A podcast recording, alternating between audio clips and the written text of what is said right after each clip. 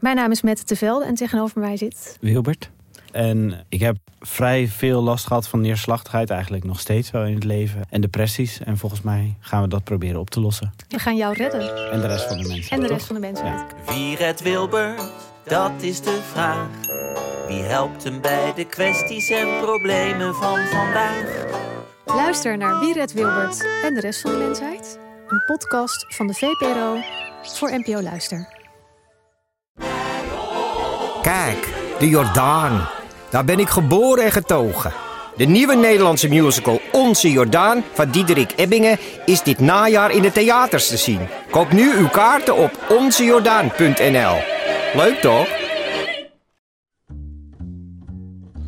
Hallo, vanaf de redactie van De Groene Amsterdammer is dit uw wekelijkse podcast. Ik ben Kees van der Bos.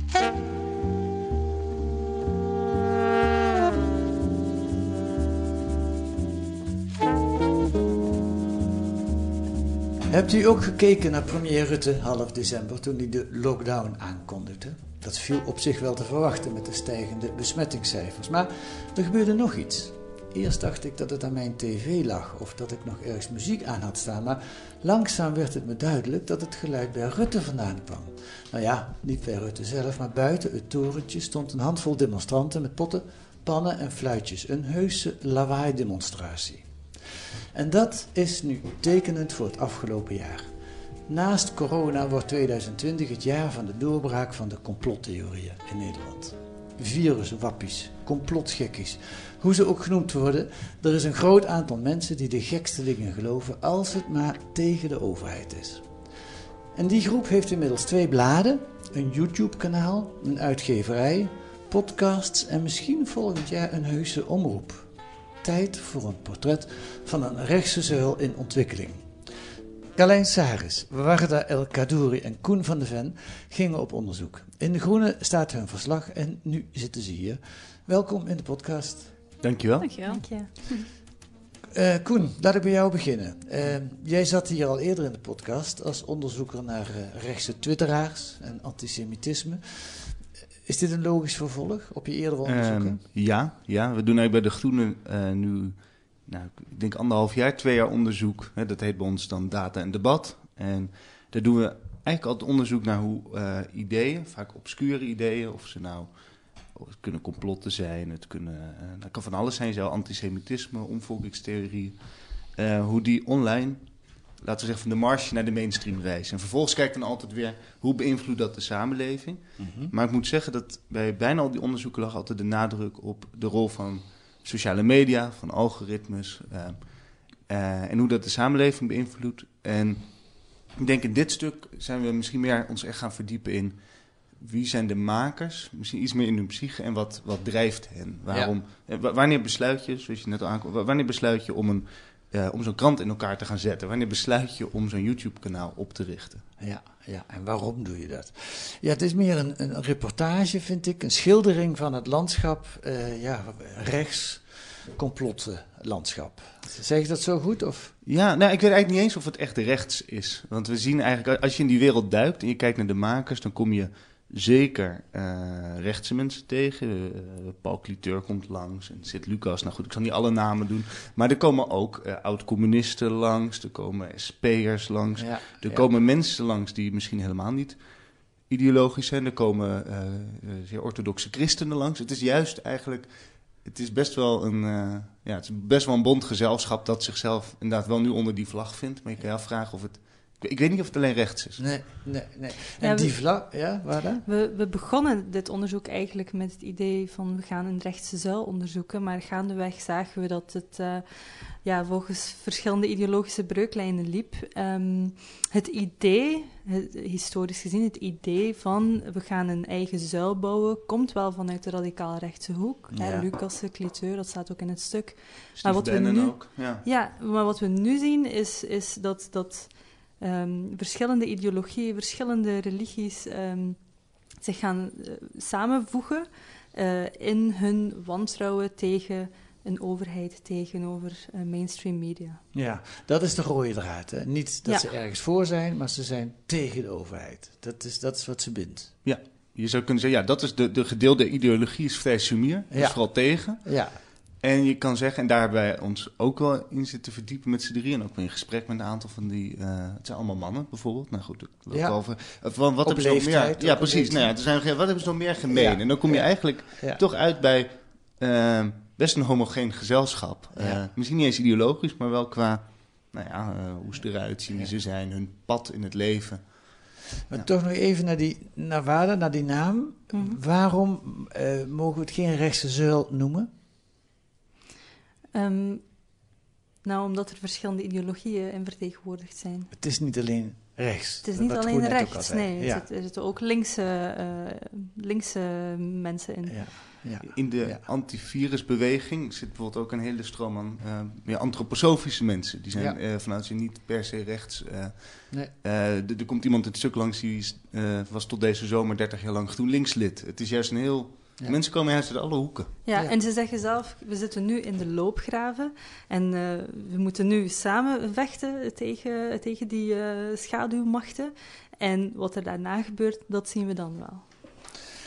Carlijn, ik, ik heb eh, de afgelopen weken, een beetje, of afgelopen dagen moet ik zeggen, een beetje ondergedompeld in weltschmerz eh, video's en in, eh, in artikelen. En, en eh, elke keer sta ik toch weer te kijken, wat, eh, want ik kom daar niet zo vaak, zou ik maar zeggen, wat er allemaal... Maar ik geloof dat jij dat ook gedaan hebt, hè? Ja, dat dit klopt, ja. ja. Ja. Ook, was dat voor jou een nieuw gebied om te betreden, of kende je het al wel? Eh, ik kende het al wel, omdat ik een tijdje geleden een artikel heb geschreven wat niet echt hierover ging, maar waar ik me wel een beetje daarvoor hierin heb ondergedoken, Namelijk? ondergedompeld. Namelijk? Ehm, dat ging over een, ehm, een manifest wat artsen hadden opgesteld, eigenlijk ook tegen de coronamaatregelen. En dat is ook bij viruswaanzin opgedoken. En dat is ook een beetje in het complotcircuit beland. En die mevrouw, die arts die die brief heeft gemaakt, heeft ook zelf bij Café Weltschmerz gezeten. Ehm, dus heel veel van die groepen komen toch allemaal eigenlijk een beetje samen bij Weltschmerz. Dus Ja. ja. ja, ik was er wel deels mee bekend. Wat, wat gebeurt er met jou als je zo een, een dag of twee of weet ik hoe lang eh, allemaal die, die weltschmerz-gesprekken bekijkt? Ja, goede vraag. Het is behoorlijk eh, heftig. Het is eh, pittige materie. Het zijn grote woorden. Het is grote taal. het is ingewikkeld. Ehm, ja, en je merkt als je zo'n video opstart. In het begin is het allemaal nog luchtig, maar het gaat heel snel. Eh, die mannen komen op stoom en er komt emotie bij. En ehm, je merkt ook dat vaak de interviewer en de geïnterviewde heel erg op één lijn zitten. Dus ze zijn elkaar heel erg ja-amen aan het... eh, Ja, dat viel, ik, eh, viel mij ook op. Mijn, mijn collega bij de VPRO noemde dat vroeger NCRV-interviews. Wat, wat, vindt- wat vindt u van de werelddominee? Het, zijn, geen, het zijn geen, geen kritische gesprekken. Ja, dat is grappig dat je dat zegt, want zo profileren ze zichzelf wel heel erg. Ja. Ehm, zij zijn de onafhankelijke journalistiek, zij zijn de echte journalistiek. Ze zetten zich ook heel erg af tegen de mainstream, eh, omdat ze hem beschuldigen van ja, eh, vooringenomenheid, niet objectiviteit. En eh, ja, het grappige is dat je bij die platforms eigenlijk juist ziet dat je, ja, je ziet weinig eh, kritische, kritische vragen of tegengeluid. Ja, dat klopt. Het wordt tijd dat we naar een stukje gaan luisteren van Café Weltschmerz om een indruk te krijgen. We hebben wat fragmenten bij elkaar gezet. Ik ga na afloop vertellen wie, welke stemmen u allemaal hoort. Eh, ik ga wel al van tevoren zeggen waar het over gaat. Het complot achter 9-11, want die vliegtuigen zijn heus niet zomaar die torens ingevlogen. En de leugens die ons allemaal worden verteld over het coronavirus. Dit is Paul Cliteur voor Café Weltschmerz. En ik zou willen beginnen met te zeggen dat alle goede dingen in het leven onderhoud verdienen. Dat geldt voor de liefde, dat geldt voor de cultuur, dat geldt voor de muziek. Zonder steun blijft niks overeind. Dat geldt ook voor Café Weltschmerz. Ga naar de website en kijk hoe u kunt doneren. Het kan ook zijn dat die Israëli's dit hebben geweten dat er een complot gesmeed werd om die torens naar beneden aan en dachten, hé, hey, dit komt ons wel goed uit. Netanyahu heeft daarna altijd gezegd, eh 9-11 was a very good thing for Israel.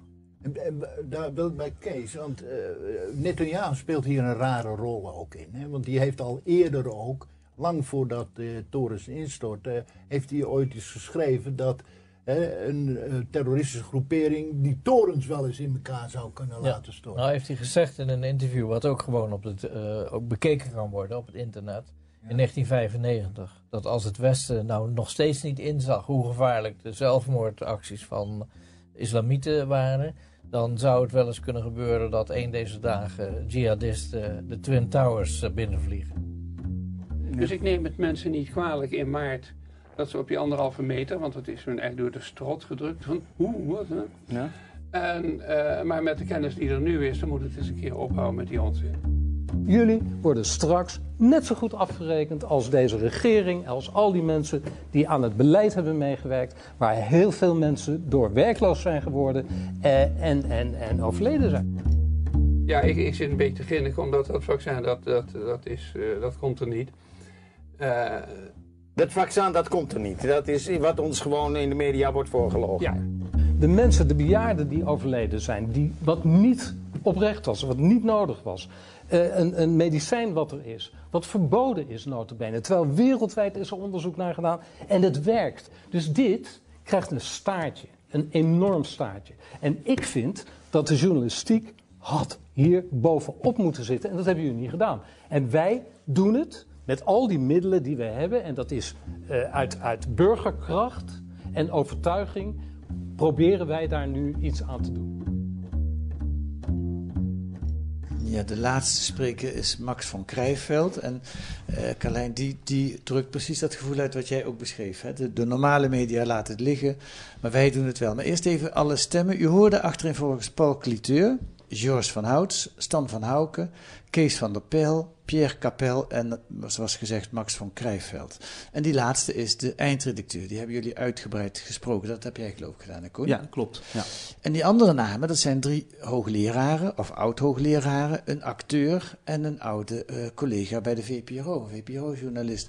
Ik bedoel, het zijn geen anonieme types die een geel hesje aangetrokken hebben. Hè? Nee, absoluut niet. Ik vond ook, ehm, dat zegt op een gegeven moment Jelle van Buren bij ons in het stuk. Hij is eh, eh, eh, universitair docent in Leiden en gespecialiseerd ook in complotdenken. Eh, die zei, ja, het is eigenlijk de... ehm, we begonnen dit, deze podcast met het geluid rondom onder het kantoor van Rutte. En wat Jelle van Buren heel treffend zei was, ja, die onderstroom heeft eigenlijk een soort bovenlaag bijgekregen. En ik vond dat is denk ik wel een goede samenvatting ook van ons stuk. En wat Warden het ook vertelde, er is een soort zeil ontstaan daar. En daar zie je dat inderdaad, er zitten hoogleraren bij, theatermakers, journalisten, uitgevers, soms een enkele vertakking de politiek in. En dat is, ehm, dus ja, dat klopt. Dat, dat is het Ja. interessant aan deze mannen. Ze zijn eigenlijk, ze zijn, ehm, hè, zoals heel vaak wordt zeggen, gekkies, wappies. Eh, ik bedoel, je, je mag alles zeggen over iedereen.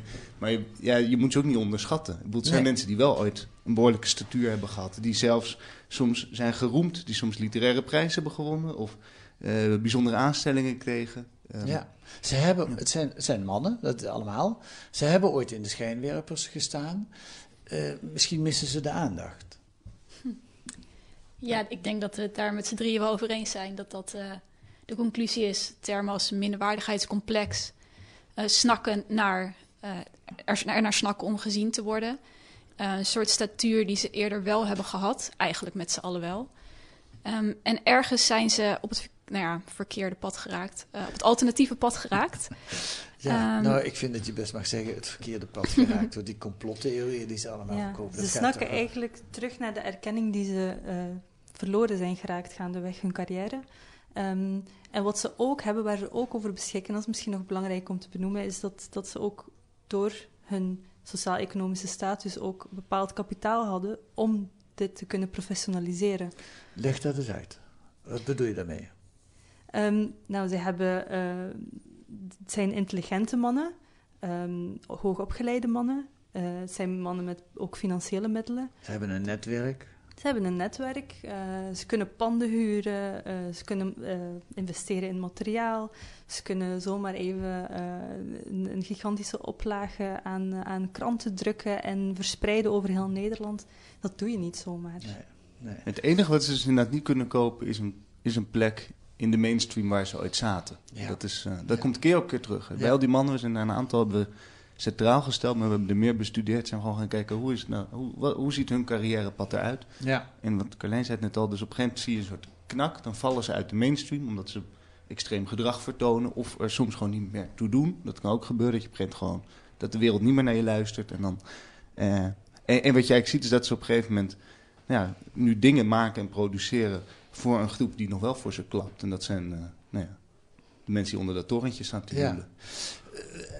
eerst even over die naam. Waar, dan moet ik geloof ik bij jou zijn. Ik vind die naam wel mooi gekozen. Weltschmerz. Dat, Ja, dat ik ook. Dat is prachtig, ja.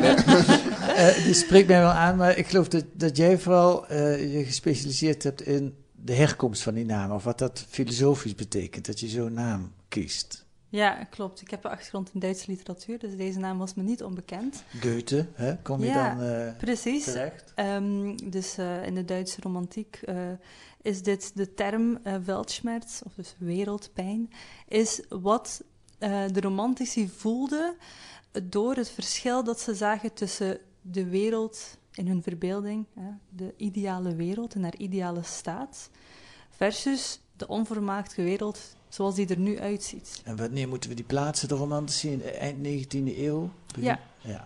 ja. Het was een hele eh, stroming, Ja. eigenlijk een reactie op de verlichting, op het Ja. rationele. Ja, en het begon 18e eeuw. Zo, Ja, Tot, ja, eh, ja. eh, en dat was inderdaad een reactie op de verlichting, maar ehm, ja, dat, dat is vaak zo met kunststromingen of literaire stromingen. Dat is niet dat het elkaar netjes opvolgt. Het, gaat ook, het loopt ook een beetje in elkaar over. Ja. Dus er zitten ook wel mixvormen, ook hier Ja. zie je dat terug. Want eh, de romantiek dat gaat heel erg over intuïtie, eh, over emotie, over spontaniteit. Dat is ook wat, wat, wat je hier ziet. Maar aan de andere kant ook ratio, gezond verstand. Hè, de, de naam van, van een van die complotkranten. Ze willen zich ook wel ergens beroepen op eh, verstand en wetenschap. Ja. Ja, laten we dat nog even behandelen. Misschien moet ik dan weer bij Carlijn zijn, want die kranten ken ik eigenlijk niet. Ja, ik heb, de, gezond verstand bestaat ook nog niet zo lang, geloof ik. of- Nee, klopt. Dat is in de coronacrisis opgestart. Ja. ja. Maar dat zijn kranten met oplagen van honderdduizenden. hè? Ja, zeker. Volgens mij kwam eh, de andere krant, of Gezond Verstand, kwam op een gegeven moment zelfs met de oplage van een miljoen. Dat was was Gezond eh, Gezond Verstand, Verstand, ja. als een soort van eh, lanceringsact. Ja. Dus eh, door het hele land hebben mensen die dingen ook in de brievenbus gekregen. ehm, ja, gratis. Met het idee dat ze dus ook abonnementen uit konden gaan halen. Maar daar gaat echt onwijs veel geld in om. Ja, dat klopt. Ja, ja. En, Ja. En, en daar heb je ook een aantal eh, exemplaren van doorgespit. Ja, zeker, zeker. Ja. kom je dan tegen? Is dat net als Café Weltschmerz of heeft het nog een ander accent? En het is eigenlijk gewoon Café Weltschmerz op papier. En dat zeggen ze ook zelf. Eh, dat hoor je ze ook in verschillende video's van Café Weltschmerz benoemen. Het is, het is echt een, ehm, een kliekje wat constant in elkaars platformen optreedt. Zoals die Karel van Wolferen. Eh, hij heeft dus Gezond Verstand opgericht. En vertelt daar dan over in Café Weltschmerz. En dan praat hij daarover met Max van Krijveld. En dan zegt hij, nou ja, ik loop hier altijd maar in die camera eh, dingen te vertellen. Maar ik heb het idee dat het niet beklijft, zegt hij dan. Dus op een dag werd ik wakker en dacht ik, we moeten het vergezellen met een vlugschrift, zegt hij dan. Ehm, maar je ziet de toon, de keuze van woorden, de onderwerpen. Eh, zelfs de mensen, bedoel, de mensen die bij Café, Wel Café Weltschmerz een soort van eh, solo-sessie hebben... waarin ze in de camera kunnen praten. Die mensen schrijven ook weer voor gezond verstand. Ja. Het is uiteindelijk een clubje, we hadden het het is uiteindelijk een clubje van 15 tot nou, 20 mensen, max Ja. 25, die eigenlijk al die content creëren met elkaar. En elkaar Ja. interviewen of elkaar Ja. laten interviewen. Ja, het is heel... Ja, en we hebben ook een paar thematische clusters ontdekt. Hè? Dus eh, je, zag, je hoorde het ook in het, eh, in het audiofragment, maar ehm, complotten rond, eh, rond 9-11, eh, rond eh, de coronacrisis, eh, klimaatverandering. ehm, Bill Gates duikt ook eh, vaak op. Dus er zitten wel eh, bepaalde thematische clusters die op die verschillende kanalen eh, telkens Ja. weer naar voren komen. Ja. Nou zijn ze in de loop van de tijd volgens mij wel veranderd. Weltschmerz bestaat al sinds 2014, als Ja. ik me niet vergis. Eh, ik, ik heb ook wat, wat de, ook de hoofdredacteur van De Groene, Xandra Schutte, heeft Ja. nog eens aan tafel En er kwamen hele goede schrijvers ook langs en economen. En, ja. Eh, Ewald Engelen zag ik wel eh, dertien keer toen ik hem als zoekterm te Allen wel voor het laatst in 2017, columniste in De Groene. Karel van Wolferen, je noemde net zijn naam Carlijn, die was een oud gerenommeerd Ja, NRC-correspondent, klopt. Japan-kenner, heeft in De Groene ook nog eens een keer een artikel geschreven over de MH17. allemaal. Het is begonnen door die meneer van Meijveld, Eh, Van Krijveld. van Krijveld, ja, als een kunstproject. Ja, dat is heel interessant. Hij speelde daar al langer mee, maar hij heeft uiteindelijk in eh, de, ik zeg even hoofd, de zomer van 2014 is hij dat echt begonnen. Ook al meteen met de naam Café Weltschmerz. En wat denk ik ook eh, grappig is om te weten, ik vond het heel inzichtelijk, is dat eh, Max van Krijveld is niet alleen de hoofdredacteur en de oprichter van Café Weltschmerz, maar heeft eigenlijk een leven achter zich als kunstenaar. Hij is de man die de eh, eerste designwinkel van Nederland oprichtte. Die eigenlijk Aan de altijd- Spiegelstraat in Amsterdam. Precies, tussen alle chique, voor de mensen die het niet kennen, het zit vol juweliers en eh, eh, antiekwinkels, een hele mooie straat. Ehm, zijn vrouw was conservator bij Bonemans van Beuningen. Opnieuw, het is helemaal niet een man van onderop, het is eigenlijk een man met statuur, uit de elite zou je kunnen zeggen. En hij begint eigenlijk dat project vanuit een soort interessant, hij, noemt het zelf ook nog steeds een kunstproject, hè, Café Weltsmerts, vanuit het idee, ik wil tegenstemmen horen, ik wil eigenlijk steeds eh, mensen bij elkaar brengen ehm, in gesprekken en kijken. Het is ook voor hem een soort zoektocht naar wat is het gesprek. Hij, heeft het ook, hij kan daar ook best kunstig over praten. Zeggen die mensen moeten met elkaar een soort dans aangaan. En je kan ook wel stellen dat dat misschien in het begin ook zo was. Er kwamen, Café Weltsmerts heeft altijd een ja, wel grappige mix gehad. Van ronduit complotdenkers tot eh, prominente intellectuelen, tot schrijvers, politie. Het was best wel bond wat daar langskwam, maar uit alle gelederen. En op een gegeven moment zie je eh, sinds een paar jaar dat dat steeds geharnaster wordt. Dat eigenlijk de complotdenkers overblijven. Sorry, Ja. je wilt het... Ja. Ja, nee, dat is heel interessant. Hoe komt dat? Waarom zou dat, die ontwikkeling, waarom zijn ze van dat pad afgegaan? Waarom zijn ze zo steeds extremistischer, extremer geworden?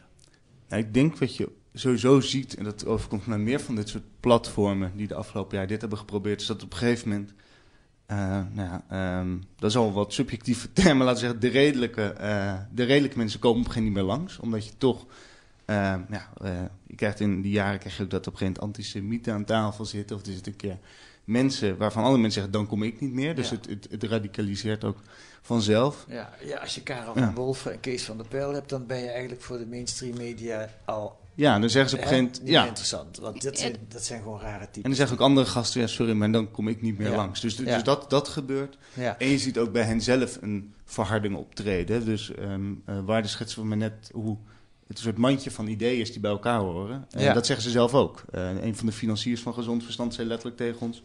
als jij eh, gelooft wat er eh, met 9-11 is gebeurd... Ja, dan geloof je ook in alle andere dingen. Maar als je dat niet gelooft, dan geloof je ook niet in MH17. En, nee, goed, en dat wordt een set ideeën. Maar nou heb jij Max van Krijveld uitgebreid gesproken. Eh, Hij wilde er best na enig aandringen, geloof ik, wel over praten. Heb jij nou kunnen achterhalen of heb jij een idee wat hij zelf van die ontwikkeling vindt? Is hij, is hij, wordt hij steeds trotser op wat ze aan het doen zijn? Of, is hij zelf, of wordt hij zelf ook een beetje... Kijk, in dat fragmentje wat ik liet horen, begint hij ook een beetje dreigender bijna. Nou, dat is heel dubbel, vond ik. Ik kwam bij twee dingen tegen. Hij is e- enerzijds heel enthousiast over de professionalisering. Want het wordt groter, mooier. Er komen meer luisteraars bij. Die kranten die daar omheen ontstaan, ziet hij niet als concurrentie, maar echt als een uitbouw van iets wat hij ooit is begonnen. En ze komen ook, dat is zijn droom, dat ze met z'n allen in een, zit een prachtig kantoorgebouw vlakbij Schiphol. Ik kan ook nog heel verhaal houden, maar dat parkeren we maar even. Zijn droom is, dat wordt één, dat is één geluid in Nederland en dat groeit. Hm. Tegelijkertijd, en dat heb ik hem ook gevraagd, ik zei, nou ja, je bent kunstenaar, en je bent op zoek, je bent, het, is een, een- het is een beetje wat we toch bij een kunstenaar denken, een soort open zoektocht. Is het nog wel leuk eigenlijk? Ik bedoel, beleef je nog plezier aan? En daar zegt hij, daar, daar is hij heel dubbel in. Hij vindt het heel belangrijk. Kijk, hij, hij gelooft dit ook echt. Hè? Dus dan is die strijd is ook wezenlijk. Mhm. Maar tegelijkertijd zegt hij, ja, ehm, eh, vroeger kon er nog wel eens een knipoog bij of kon er nog wel eens een lach vanaf. Maar dat is nu wel weg. Het is bloedserieus geworden. En, ik bedoel, en dat geldt denk ik, en corona heeft dat alleen maar een stroomversnelling gebracht. Voor Ja. iedereen was het afgelopen jaar, ging, bedoel, of je nou gelooft in eh, wetenschap, media, politici eh, of niet. Maar dit was een, leven, of een jaar van leven en dood, van harde scheidslijnen. En dat is bij hen ook zo. Dus dat Ja. heeft het alleen maar versneld. En je ziet het ook al aan de selectie van gasten die daar nu zitten. Het selecteert zichzelf uit naar één geluid. Het, Ja. is, echt, het is ook wel een persoonlijke missie van hem geworden. Dat zie je gewoon, dat zie je er heel duidelijk aan af. Het is. eh, Ja, het het open is er wel af. Ja. Ja, Ja. Ja. Nou, we gaan even naar een andere poot van, het, eh, van het, eh, de zeul, die, zo noem ik het dan toch maar even. Eh, en dat is de omroep Ongehoord. Arnold Karskens komen dan terecht. Een, een, een ja, toch niet onbekende journalist. Ook bij de VPRO heeft hij wel programma's gemaakt. Oorlogscorrespondent. En hier heb ik een stukje gekozen van de site in juni toen de eh, coronawet van Hugo de Jonge eh, werd ingediend en, en heel veel kritiek kreeg, nou ook van eh, Arnold Karskens. Dag. Waar recht onrecht wordt, wordt verzet een plicht. De Raad voor de Rechtspraak, advocaten, rechtsgeleerden zijn tegen deze staatsgreep. En Wilders en Baudet met in hun kuelzog partijen als SGP en SP vormen de stoottroepen. Symboliseren in deze dagen de o zo belangrijke onverschrokkenheid van de patriotische Nederlander. Ik val aan, volg mij. Schout bij nacht, Karel Doorman, Slag in de Javazee, 27 februari 1941. Zij zeggen wat gezegd moet worden op het uur U en handelen daarna. Het uur van de waarheid. Wilders, gooi die totalitaire coronawet de prullenbak in. Baudet, de landbouw wordt door een salami-tactiek de samenleving uitgedrukt. Zij zijn de echte politici. Zij waarschuwen voor en vechten tegen de aanval op onze democratie, op onze cultuur, op onze hardwerkende burgers en boeren. Baudet heeft dus gelijk. In vakka, in de Tweede Kamer, zit fout volk. Mensen met ideeën waartegen wij ons met alle legitieme macht moeten verzetten. De sluipmoordenaars van de Nederlandse rechtsstaat. En dat is ongehoord. Een fijne zondag. Fijne zondag. Fijne ja, zondag, ja. geen, geen fijne zondag. Ja, de, de patriotische Nederlander Arnold Karskes eh, eh, eh, aan de telefoon, wou ik zeggen, aan het woord. Ehm, eh, liggen er dwarsverbanden met weltschmerz? Goeie vraag. Deels niet en deels wel, denk ik. Ik denk dat, dat het grootste verband is, het zit al in de naam, hè, ongehoord Nederland, een tegengeluid bieden wat geen plek krijgt in, in eh, de mainstream media. ehm, en eh, heel sterk het gevoel hebben van wij worden onderdrukt, wij worden gemarginaliseerd en eh, nu is het genoeg. Ja. En je hoort ook heel sterk die, die oorlogstaal. Hè. Het was een oorlogsjournalist, maar ik vind bij, vooral bij hem, bij, bij Ongehoord Nederland, is die oorlogsretoriek echt wel heel sterk aanwezig. Dat vind, kun je wel zeggen, Eh, ja. het, is, het is een strijd die ze voeren. Het is tijd voor revolutie. Hij noemt daar Slag bij de Javelzee. Eh, het, is, eh, het is echt ongelooflijk. En eh. allemaal gericht tegen de overheid. Dat is wat ze zeker gemeen hebben. Ja, dus Maar- ideologisch zijn ze zeker gemeen, maar kennen ze elkaar ook? Zijn het vrienden? Zijn het bekenden? Nou ja, Arnold denk dat Karskens deze- zit ook bij Café Wel- Weltschmerz bijvoorbeeld. Ja. Dus, Precies. eh, het ja. komt uit hetzelfde dak. En ik Ja. denk, het, en het past opnieuw in die ontwikkeling van eh, het professionaliseren van een geluid, het bouwen van een mediacel. Ja, dit, dit is een. Zij worden eh, misschien wel een publieke omroep. Ja, nou, Ja. dan heb je wel. Ik bedoel, dan heb je, dat is een beetje in Nederland, is dat traditioneel de kroon op een media zelfs, als je een eigen omroep hebt. En ze hebben 50.000 leden, dus eh, ze gaan nu door de toets. Hè? Dat, Ja. het commissariaat moet. Ja. beoordelen of Ja. het van toegevoegde waarde is. Ja. Oké, ehm, nog even over iets heel anders. Eh, we hebben het, het beeld nu wel een beetje geschetst. Hoe is het bij jullie gegaan? Hoe onderzoeken zoiets? Hoe, hoe, hoe begon het, wie begon het onderzoek en waarom heb je het met z'n drieën gedaan? En wat heb je gedaan? Nou, ik heb drie vragen tegelijkertijd. Ik denk dat dat sowieso. Het is een lang proces geweest. waarin we eigenlijk vooral, zeker in het begin, gewoon heel veel filmpjes gekeken hebben, fragmenten geluisterd. En gewoon gedachten hebben gedeeld. We hebben een groepsapp aangemaakt en gewoon ehm, gedeeld wat ons opvalt qua taalgebruik, de elementen die erin voorkomen. Hoe zien die mannen eruit? Waar hebben ze het over? Dat, dat is best wel een proces geweest wat heel erg heeft gerijpt. Wat was jullie vraag? Waar begon je mee? Nou, we begonnen eigenlijk inderdaad met die rechtse zeil. Dat was een beetje ons Ja. uitgangspunt. Ja, van wat is het? eh, wat, wat gebeurt hier nu? Van waar komt het idee vandaan? Dat was ook nog een beetje in de periode dat eh, een paar maanden geleden dat FVD ook nog wel flink aan het flirten was met eh, complotgedachten. En toen hebben we ook nog wel met het idee gespeeld of FVD een grotere rol in ons stuk moest gaan spelen. Nou, ja, die partij is inmiddels een beetje geïmplodeerd. En we kwamen er dus achter dat het veel meer is dan rechts. Hm. Dus we hebben eigenlijk ook met z'n drieën geprobeerd die groep te definiëren en af te bakenen. Ja. Ja, Ja, gewoon wat, ja, wat is het nou? Dat is Ja. het, hè? Er vallen kleintjes op de mat. Waar, waar komen die vandaan? Wie zijn het en wat hebben ze En gemeen? is het een netwerk en horen ze bij elkaar? Ja. Dus je maakt Ja. lijstjes met namen, wie er allemaal Ja. in voorkomen. We hebben een heel document waarin we alles in kaart hebben gebracht met allemaal vertakkingen en wat met wie gekoppeld is, waar het geld vandaan komt. Ja, een soort netwerkanalyse Ja. eigenlijk. Ja. Ja, ja. En, en, en oké, en het meest verrassende, geloof ik, maar dat moet verbeteren als je het anders eh, ziet, is dat je ontdekt hebt dat het eigenlijk niet allemaal rechts is. Nou, dat is een van de. We zijn wel iets te weten gekomen over de wortels. Van waar komen ze vandaan? Waar vinden ze elkaar in? Wat- Een van de belangrijke. De vraag die we aan iedereen hebben gesteld is. ehm, nou, wat we al zeiden. Er zitten, er zitten zeer overtuigde, seculiere, antireligieuze mensen in. En er zitten zeer religieuze mensen in. Ja. Dat, dat is ook een soort eh, zoektocht nog eh, geweest naar hoe kunnen zij bij elkaar. Waarom zijn zij in beweging? En dat hebben we ook gevraagd aan een aantal van hen. Ja. Ja. Wilde iedereen praten die jullie ook wilden spreken? Dat, is, dat vond ik wel een opvallende ontwikkeling. Want nou ja, je, je zei dat al in het begin, ik bedoel, eh, schrijf je wel vaak over bij de Groenen. En heel vaak zeggen mensen, oh, hoe kan het nou dat je die mensen te spreken krijgt? En dan zeg ik heel vaak, nou eigenlijk is het vrij makkelijk. Want eh, zeker met mensen die, ja, die klagen dat ze ongehoord zijn, die, willen graag gehoord worden. Dus als je dan belt, dan is nou, kom maar langs en laten we praten. Maar dat was deze keer anders. Ehm, ehm, en dat vond ik heel opvallend. Dat je gewoon belde of mailde dat ze niet wilden. Uiteindelijk trouwens dus eh, Max van Krijveld wel, een aantal anderen ook. Maar dan sommigen alleen maar per mail. En Arnold niet, hè? die wilde niet. Nee, nee, die, nou, die was toen druk bezig met zijn alternatieve Sinterklaasjournaal. En die reageerde met rijm. Zeer tot mijn spijt. Geen zin en geen tijd. Ja. Ehm, maar het is... ehm, nou ja, en, en daar zit denk ik ook wel wat in. Ehm, ze zijn inmiddels al wel uit de marge gestapt. Eh, ze hebben hun eigen kranten, ze hebben hun eigen kanalen. Dus ze hebben ook gewoon minder behoefte aan ehm, media die met ze komen praten. En er zit nog denk ik een ding in. En dat is dat ehm, misschien meer dan een aantal jaar geleden...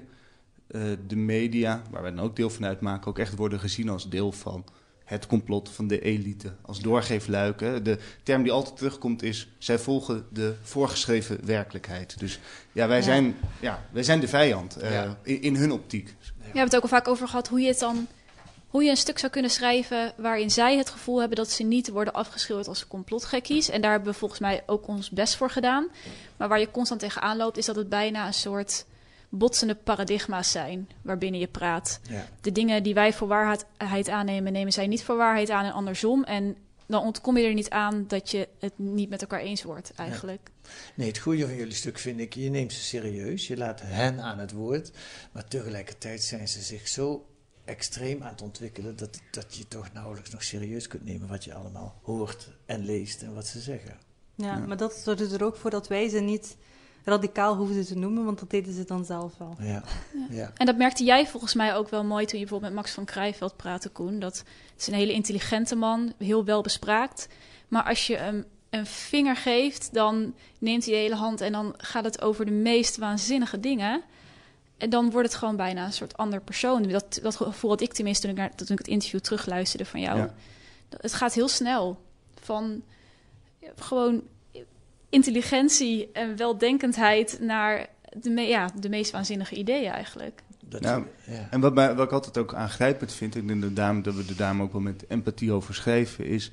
Kijk, ehm, als je dit werkelijk gelooft, dan is het ook heel eng, hè, vanuit hun optiek. Dus ik probeer ook altijd te denken, Ja, ja, ja, ja, van, goh, wat, wat, wat, wat erg voor je. Jij zit echt, jij denkt werkelijk dat we op dit moment Ja. Inderdaad allemaal eh, in een soort leugen verkeren en een chip in ons arm krijgen. Ja, dat is, als je dat echt gelooft, ja, dan, heb je, dan, heb, ja, dan, dan lijkt me dat voor hem erger dan voor mij. Ja, Koen, dat Eh, merkte je ook wel aan de manier waardoor je eh, door veel van die mannen nog werd aangesproken, of een paar van die mannen, dat iemand je bij je arm grijpt en zegt van, jullie kunnen nog eh, aan onze kant komen staan, het is niet te laat. En eh, het is voor hun echt een strijd. En dat, dat vond ik ook opvallend in onze zoektocht. Ja. Zeker Warda en ik hebben het daar veel over gehad. Je bekijkt die filmpjes en op een gegeven moment realiseer je van... Dit Ze is niet een kwestie van geld verdienen of kijkcijfers. Die mannen zijn bloedserieus. Ze zitten Ja. daar ook met heel veel emotie en dat merk je gewoon aan alles. Ja. Ja, dat, is, dat is ook wat mij het meest aangreep. De, de vurigheid waarmee zij echt geloven. Ja. Eh, want we dachten eerst nog van, is het, is het uit opportunisme of, eh, of wat dan ook? Is het een machtsspel? Nee, het is echt gewoon wat zij oprecht geloven. Ja. Goed, de toekomst zal het leren. Wat, zal, wat, zal, eh, wat voor toekomst zie? Ja, dat kan ik jullie wel vragen, maar dat weet je natuurlijk ook niet. Hoe gaat het met, met, met deze clubs verder? Gaan die groeien, groeien, groeien? Of gaan die... Ik geloof, maar ik bedoel, ben nooit van maar ik geloof dat het enigszins parallel gaat lopen met de, het verloop van de coronacrisis. Dus naarmate we in, als wij in grotere onzekerheid blijven, is hier gewoon een grote behoefte aan. En ik denk als wij, kijk, dit, dit heeft altijd bestaan, maar ik denk dat het nu uit de marge komt, omdat er gewoon heel veel mensen gewoon letterlijk behoefte hebben aan dit soort ehm, nou ja, alles verklarende antwoorden die je in die kranten vindt, die Ja. je eh, in die gesprekken vindt. Maar ik denk als wij, nou goed, laten we hopen dat het, ik hoop wel op een vaccinatie, laat ik het zo zeggen, Eh, dat als hij doorzet en we komen eruit, dan Ja. denk ik dat heel veel mensen die misschien even hier geïnteresseerd zijn geweest, weer terugkeren. En, maar het, en tegelijkertijd zal het denk ik ook altijd bestaan. Ik Ja. bedoel, en dat mag ook, hè. Het is niet... eh, Maar goed, wat Ja. wij ook merkten, Koen en ik hebben Jelle van Buren gesproken. Je merkt, hij zei zelf ook van, er wordt weinig nieuws besproken in die video's, in die kranten. Het gaat heel veel over hetzelfde. Ja, hoe vaak wil je een nieuw filmpje zien over dat de PCR-test niet betrouwbaar is? Ja. Of dat het vaccin niet betrouwbaar is? Ehm, nu al, als je in die video's duikt, heb je op een gegeven moment het idee dat het hele repertoire snel weer herhaald wordt. Dus ook de vraag hoe lang mensen nog naar van die video's van anderhalf uur willen luisteren. eh, Waarin eigenlijk op een gegeven moment eigenlijk alles wel verteld is. Ach, en straks hebben we allemaal zo'n chip van Bill Gates in onze armen. En dan gaan, Precies. We, dan gaan we helemaal niet meer naar kijken. Ja. Ja. En misschien nog goed om erbij te vermelden is dat ehm, de sociale media waar zij op actief zijn, eh, nu ook aan het ingrijpen is eh, voor eh, het verspreiden van desinformatie. Ja. Eh, dus eh, er komt ook steeds meer censuur, dus worden op zwart gezet, offline gehaald. Hetzelfde is gebeurd met Café Weltschmerz. Ze hebben nu een waarschuwing gekregen dat als ze zich niet aan de community-richtlijnen houden, dat ze, dat ze echt wel offline worden gehaald Een van waarschuwing YouTube. van YouTube. Ja, van YouTube, ja. Dus ze dreigen Lange Frans te volgen. In, Zeker. eh, het- Ja, de- ja. ja. en Maar dan, goed- wat dan gebeurt is dat zij eh, naar alternatieve sociale mediakanalen gaan. Dus dan worden Ja. ze nog obscuurder. Ja, het is natuurlijk een bevestiging van hun gelijk, hè, als ze Zeker. van YouTube afgehaald Ja. worden. Ja. Ehm, Oké, eh, op het nieuws zit nog op het eind. Dus misschien worden de, dat is een ontwikkeling die nog ja. gaande En is. misschien krijgen we er wel een publieke omroep bij. Nou ja, Ja. dan zitten we er nog even aan. Ja. Dan zitten we er nog even mee. Ja. Dus dat is, en dan kun je daar gewoon kijken. Koen van der Ven, Warda Al-Kadouri en eh Carlijn Saris, eh, dank jullie wel voor de komst. Dankjewel. Dankjewel.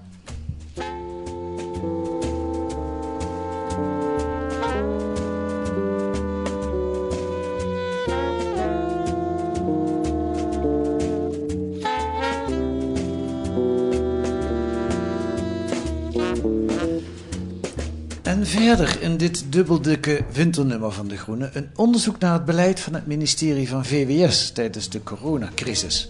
De conclusie: na de eerste coronagolf had het ministerie van VWS geen visie en geen regie. En daardoor tuimelde Nederland onvoorbereid de tweede golf in. De makers zaten twee weken geleden ook in deze podcast. Dat kunt u nog terugluisteren.